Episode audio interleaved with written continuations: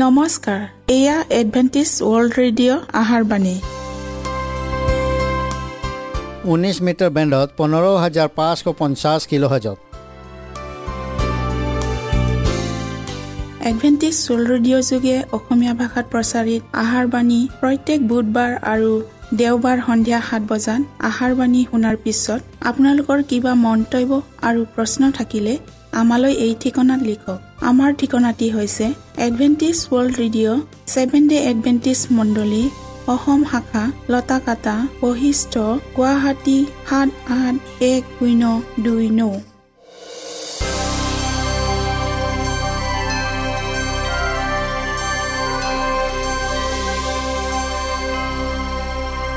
শ্ৰোতা বন্ধুসকল এতিয়া শুনো আহক এটি খ্ৰীষ্টীয় ধৰ্মীয় গীত।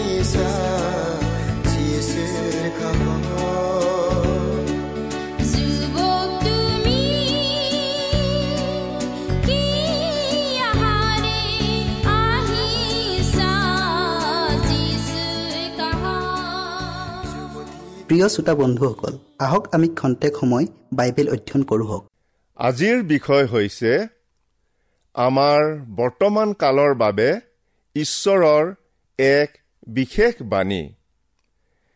শেষৰ দিনৰ খ্ৰীষ্টিয়ানসকলৰ কাৰণে ঈশ্বৰৰ এটা বিশেষ বাণী আছে বুলি পবিত্ৰ বাইবেলৰ শেষ পুস্তকখনত পোৱা যায়। তিনিজন স্বৰ্গদূতৰ দ্বাৰা কৰা এই বাণীৰ ঘোষণা পত্ৰ খ্ৰীষ্টীয় দ্বিতীয় আগমনৰ সৈতে জড়িত আছে। প্ৰথম স্বৰ্গদূতৰ বাণী পাছে আকাশৰ মাজত আন এজন স্বৰ্গদূতক উৰি ফুৰা দেখিলোঁ। তেওঁ পৃথিৱীত বসতি কৰা বিলাকক অৰ্থাৎ সকলো জাতি ফৈদ ভাষা আৰু লোকবিলাকৰ আগত প্ৰচাৰ কৰিবলৈ অনন্ত সুবাৰ্তা পাই বৰ মাতেৰে ক'লে ঈশ্বৰক ভয় কৰি তেওঁৰ গৌৰৱ স্বীকাৰ কৰা হওক। কিয়নো তেওঁৰ সুদবিচাৰৰ সময় আহিল আৰু স্বৰ্গ পৃথিৱী সাগৰ জলৰ ভুমুকবোৰ এই সকলোৰে সৃষ্টিকৰ্তাক প্ৰণিপাত কৰা হওক। যদিও শাস্ত্ৰ বাক্যই নাটকীয়ভাৱে তিনিজন স্বৰ্গদূতৰ প্ৰতীকেৰে এই তিনিটা বাণী প্ৰকাশ কৰিছে ঈশ্বৰৰ লোকসকলেই আচলতে বাৰ্তাবাহকৰ কাম কৰিছে। যিসকলে ইয়াক পৃথিৱীত প্ৰচাৰ কৰিছে তেওঁবিলাকে কোনো এটা নতুন সুবাৰ্তা প্ৰচাৰ কৰা নাই কিন্তু এটা অনন্ত সুবাৰ্তা প্ৰচাৰ কৰিছে। সমগ্ৰ পৃথিৱীত প্ৰতিটো জাতি ফৈদ বা ভাষা আৰু লোকসমূহৰ মাজত যীশুৰ যি অনন্ত সুবাৰ্তা সেয়া পৰিত্ৰাণৰ সুবাৰ্তাৰ লগত একেই যাক পুৰণি নিয়মত বিশ্বাসৰ দ্বাৰাই গ্ৰহণ কৰা হৈছিল। সেই একেই শিক্ষা যাক স্বয়ং যীশুৱে ঘোষণা কৰিছিল। সেই একেই সুবাৰ্তা যাক প্ৰচাৰ কৰি খ্ৰীষ্টীয়ৰ বাবে শিষ্যসকলে জগতখনকে জয় কৰিবলৈ ওলাই গৈছিল। সেই একেই সুবাৰ্তা যি শতিকা জুৰি খ্ৰীষ্টিয়ান যুগক ওলট পালট কৰি পেলাইছিল। মানুহক উদ্ধাৰ কৰিব পৰা খ্ৰীষ্টৰ এই অতি সাধাৰণ সুবাৰ্তা অন্ধযুগৰ কালচোৱাত প্ৰায় এক হাজাৰতকৈ অধিক বছৰ মণ্ডলীৰ পৰা লুপ্তপ্ৰায় হৈছিল।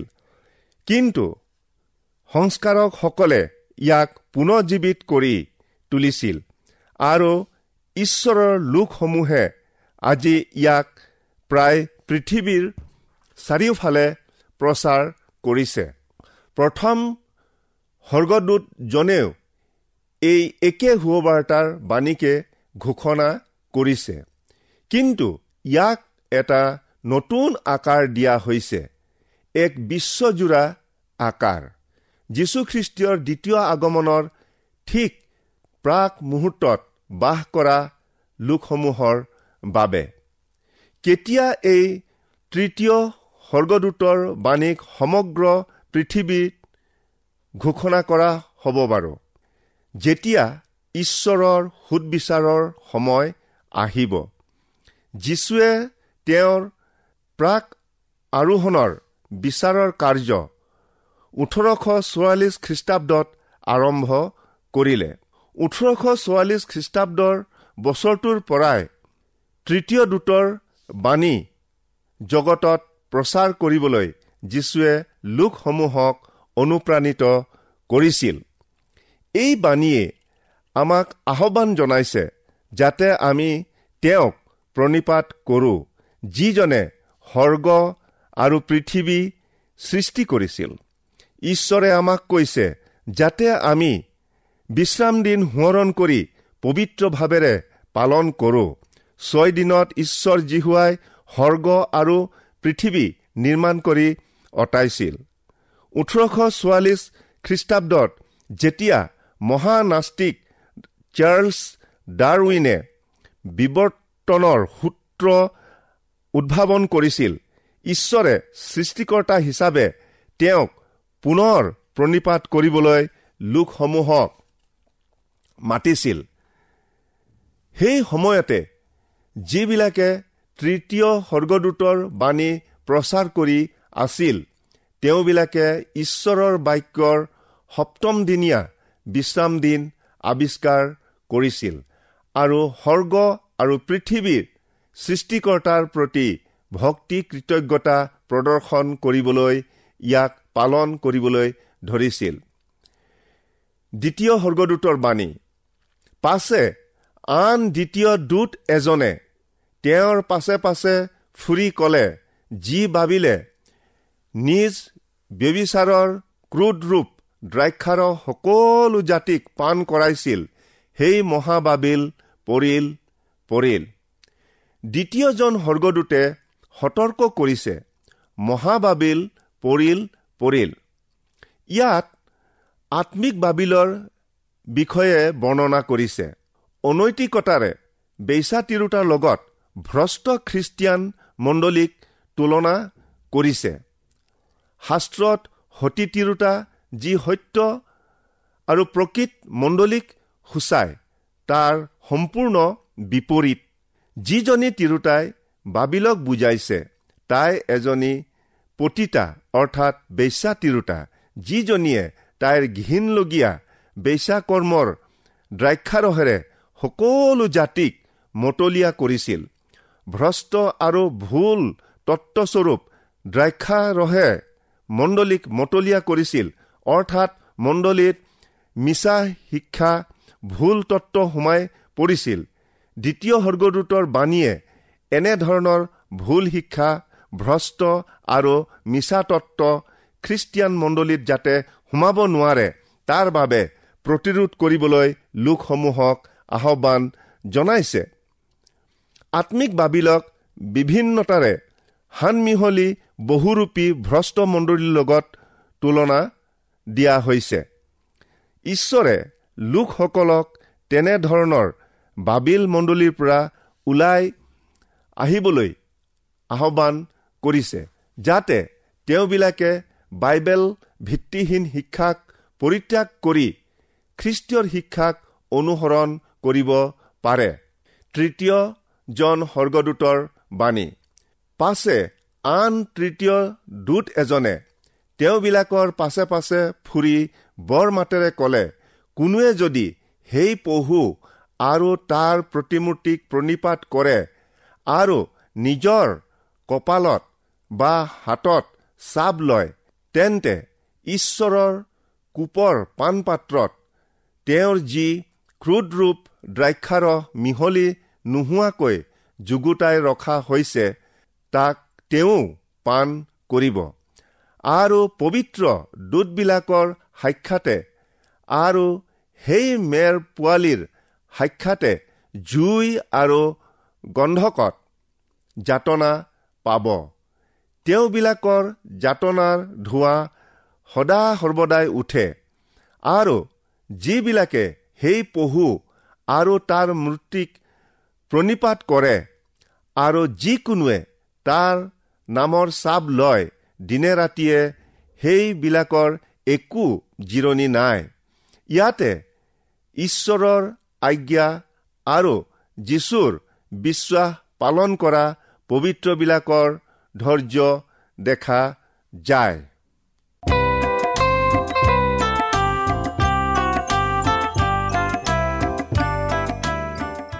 তৃতীয় স্বৰ্গদূতৰ বাণীয়ে সমগ্ৰ পৃথিৱী নিবাসীসকলক দুটা দলত বিভক্ত কৰিছে। এহাতে ভ্ৰষ্টমণ্ডলী অৰ্থাৎ চৈতানৰ দ্বাৰাই প্ৰতাৰিত ভ্ৰষ্ট খ্ৰীষ্টিয়ানসকল যিবিলাকে পহু আৰু তাৰ প্ৰতিমূৰ্তিক প্ৰণিপাত কৰে আৰু কপালত নাইবা হাতত তাৰ চাপ লয়। আনহাতে সেই পহুৰ কৰ্তৃত্ব মানি নোলোৱা সেই ধাৰ্মিকসকল যিবিলাকে ঈশ্বৰৰ দহ আজ্ঞা পালন কৰে আৰু যীশুৰ বিশ্বাসক ধৈৰ্যেৰে পালন কৰে অৰ্থাৎ অলৰ হৈ থাকে। এই পৰস্পৰ বিপৰীত দুটা দলক আপুনি লক্ষ্য কৰক। যিবিলাকে সেই পহুৰ চাপ গ্ৰহণ কৰে তেওঁবিলাক হৈছে জগতৰ লগত আপোচ মীমাংসা কৰা উপাসক।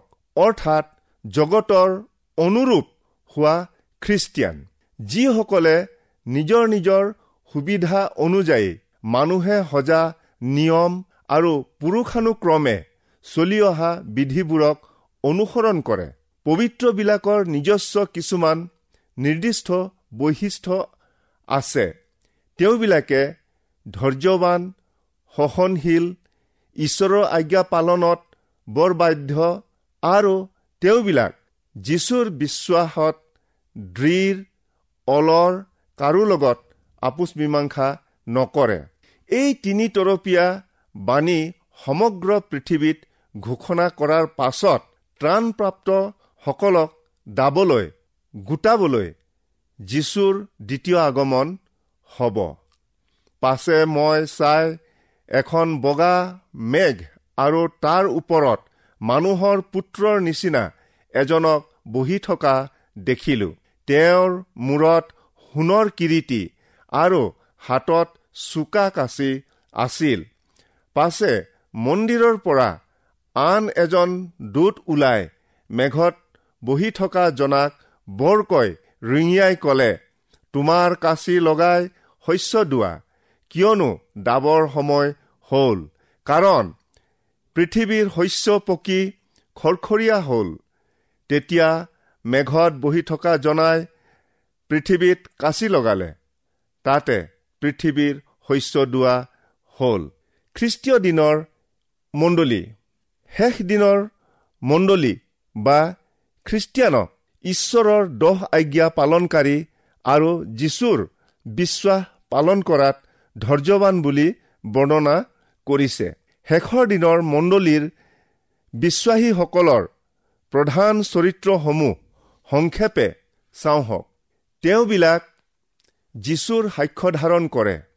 এনেকি যেতিয়া ছয়তানে ক্ৰোধেৰে সৈতে তেওঁবিলাকৰ ওপৰত জঁপিয়াই পৰিলেও তেওঁবিলাকে যীশুৰ বিশ্বাসত অলৰ হৈ থাকে। তেওঁবিলাকে যীশুত বিশ্বাসী হৈ ধৈৰ্যেৰে থাকে। তেওঁবিলাকে ঈশ্বৰৰ আজ্ঞাবোৰ পালন কৰে। দহ আজ্ঞা হৈছে ঈশ্বৰৰ নৈতিক বিধান। তেওঁবিলাকে প্ৰথমতে ঈশ্বৰৰ প্ৰতিটো ইচ্ছা আৰু তেওঁৰ প্ৰতিটো আজ্ঞা পালন কৰিবলৈ ইচ্ছা কৰে। চতুৰ্থ আজ্ঞাটো যিটোৱে সপ্তমদিনীয়া বিশ্ৰামবাৰ অৰ্থাৎ শনিবাৰে পালন কৰাৰ দ্বাৰাই আমাৰ সৃষ্টিকৰ্তাক প্ৰণিপাত কৰিবলৈ নিৰ্দেশ দিছে।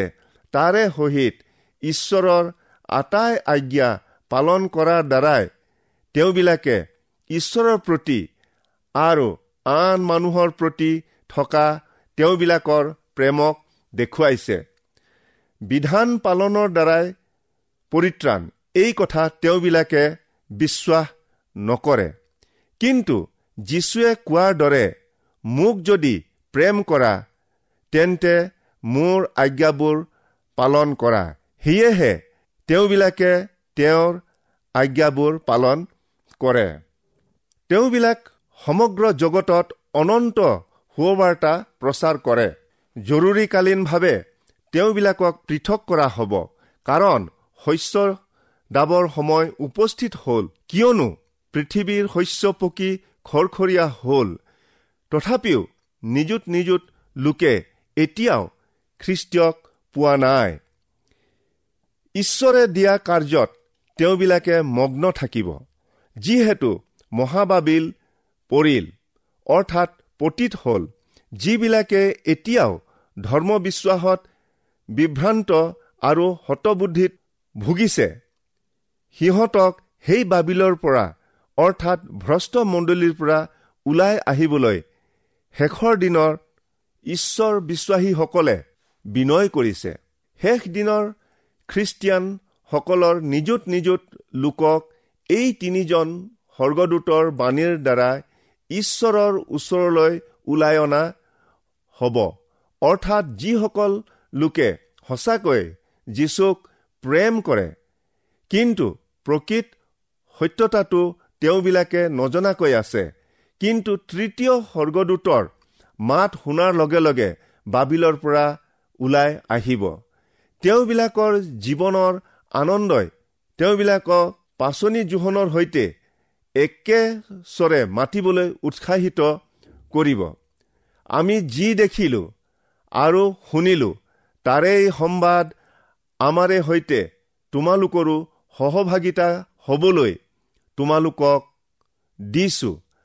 আৰু আমাৰ যি সহভাগিতা সেয়ে পিতৃৰ আৰু পুত্ৰ যীশুখ্ৰীষ্টে সৈতে সহভাগিতা আৰু আমাৰ আনন্দ যেন সম্পূৰ্ণ হয়। শেষৰ কালত দুই ধৰণৰে শস্য গোটোৱা হ'ব।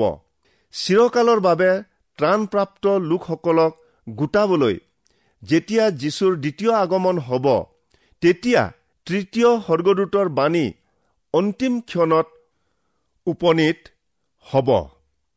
যীশুত পৰিত্ৰাণ পোৱা সকলোকে গোটাব আৰু তেওঁ স্বৰ্গত যুগুতাই ৰখা অনেক থকা ঠাইত তেওঁবিলাকক স্থানান্তৰিত কৰিব। চিৰকালৰ নিমিত্তে পাপ ৰোগ ব্যাধি দুখ ভোগ যাতনা আৰু মৃত্যুক তেওঁ নাইকিয়া কৰিব। অনন্তকাল তেওঁৰে সৈতে পবিত্ৰবিলাকে এক গৌৰৱময় নতুন জীৱন আৰম্ভ কৰিব। তেওঁৰ আগমনত যীশুৱে অধাৰ্মিকবিলাককো গোটাব। পাছে স্বৰ্গত থকা মন্দিৰৰ পৰা আৰু এজন দূত ওলাল। তেওঁৰো হাতত চোকা কাচি আছিল। পাছে আন এজন দূত অৰ্থাৎ জুইৰ ওপৰত ক্ষমতা পোৱা জনে যজ্ঞবেদীৰ পৰা ওলাই সেই চোকা কাচি লোৱা জনক বৰ মাতেৰে ৰিঙিয়াই কলে তোমাৰ চোকা কাচি লগাই পৃথিৱীৰ দ্ৰাক্ষালতাৰ থোপাবোৰ কাটি গোটোৱা। কিয়নো তাৰ গুটি ভালকৈ পকিল। তাতে সেই দুটে পৃথিৱীত নিজৰ কাচি লগাই পৃথিৱীৰ দ্ৰাক্ষালতাৰ থোপাবোৰ কাটি গোটাই ঈশ্বৰৰ ক্ৰোধৰূপ মহাপেৰাশালত পেলাই দিলে। যেতিয়া যীশু শস্য দাবলৈ পৃথিৱীলৈ আহিব আপুনি কেনেকুৱা ধৰণৰ শস্য হ'ব বাৰু? অনন্তকালৰ বাবে পৰিত্ৰাণ পোৱা সকলৰ মাজৰ পকা শস্য বুলি আপোনাক কোৱা যাবনে? নাইবা অনন্তকালৰ বাবে হেৰাই যোৱা ক্ৰোধৰ পকা দ্ৰাক্ষাগুটিৰ মাজত আপোনাক পোৱা যাব। পিলাতৰ বিচাৰ সভাত উপস্থিত হোৱা উন্মত্ত ব্যক্তিসকলেও এই একে ধৰণৰ বিষয়ৰ সন্মুখীন হৈছিল। এফালে যীশুখ্ৰীষ্টীয় ঐশ্বৰিক মানৱ মানুহৰূপী ঈশ্বৰজনা আনফালে বাৰাব্বা ডকাইত। তৎসত্বেও যেতিয়া সেই বিশাল সমাৱেশৰ মাজত পিলাতৰ আদেশসূচক মাত উচ্চাৰিত হৈছিল আপোনালোকৰ বাবে কোনজনক মই মুক্তি দিম? সেই বিশাল উন্মত্ত জনসমুদ্ৰৰ মাজত এক ক্ৰোধান্বিত স্বৰ বাৰে বাৰে প্ৰতিধ্বনিত হৈছিল। বাৰাব্বা বাৰাব্বা বুলি। তেতিয়াহ'লে নিজকে খ্ৰীষ্ট বুলি কোৱা যীচুক মই কি কৰিম বুলি যেতিয়া পিলাতে সুধিছিল তেতিয়া মানুহবোৰে চিঞৰি চিঞৰি কৈছিল তেওঁক ক্ৰুচত দিয়ক ক্ৰুচত দিয়ক বুলি। আৰু সেয়ে যীচুক যিজন নিষ্পাপ নিৰ্দোষী আছিল তেওঁক ক্ৰুচত দিয়া হৈছিল। আৰু বাৰাব্বা যিজন ঘোৰ অপৰাধী দুখী আছিল তেওঁক মুক্তি দিয়া হৈছিল। আজি আপুনি কাক মনোনীত কৰি ল'ব বাৰাব্বা নে যীচুক আপুনি মানুহে সজা নীতি নিয়ম আৰু মানুহৰ উপদেশবোৰ যিবোৰ ঈশ্বৰৰ আজ্ঞা আৰু যীশুৰ অনন্ত সুবাৰ্তাৰ সম্পূৰ্ণ বিপৰীত সেইবোৰহে অনুসৰণ কৰিবনে? নাইবা ঈশ্বৰৰ আজ্ঞা পালন কৰি যীশুৰ বিশ্বাসত ধৈৰ্যেৰে অলৰ হৈ থাকিব। মনত ৰাখিব যীশুৱেই একমাত্ৰ ত্ৰাণকৰ্তা জনা যি জনাই তেওঁৰ পবিত্ৰ আত্মা পঠিয়াই আপোনাৰ সকলো ধৰণৰ জটিলতাক সমাধান কৰিবলৈ আপোনাৰ সকলো ধৰণৰ আত্মিক ব্যাধিক সুস্থ কৰিবলৈ আৰু আপোনাৰ সকলো ধৰণৰ আশা আকাংক্ষাক পূৰণ কৰিবলৈ এতিয়াও প্ৰতিজ্ঞা কৰি আছে।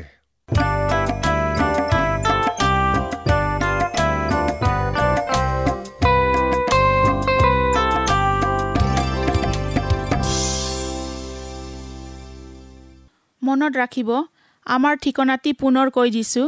Adventist world radio' Assam region of seven day Adventist voice of hope Latakata Basistha Guwahati seven eight one zero' two nine প্ৰিয় শ্ৰোতা বন্ধুসকল এডভেণ্টিজ ৱৰ্ল্ড ৰেডিঅ' যোগে আহাৰবাণী প্ৰচাৰত আপোনালোকক পুনৰ লগ পোৱাৰ আহাৰে আজিলৈ সামৰিলোঁ।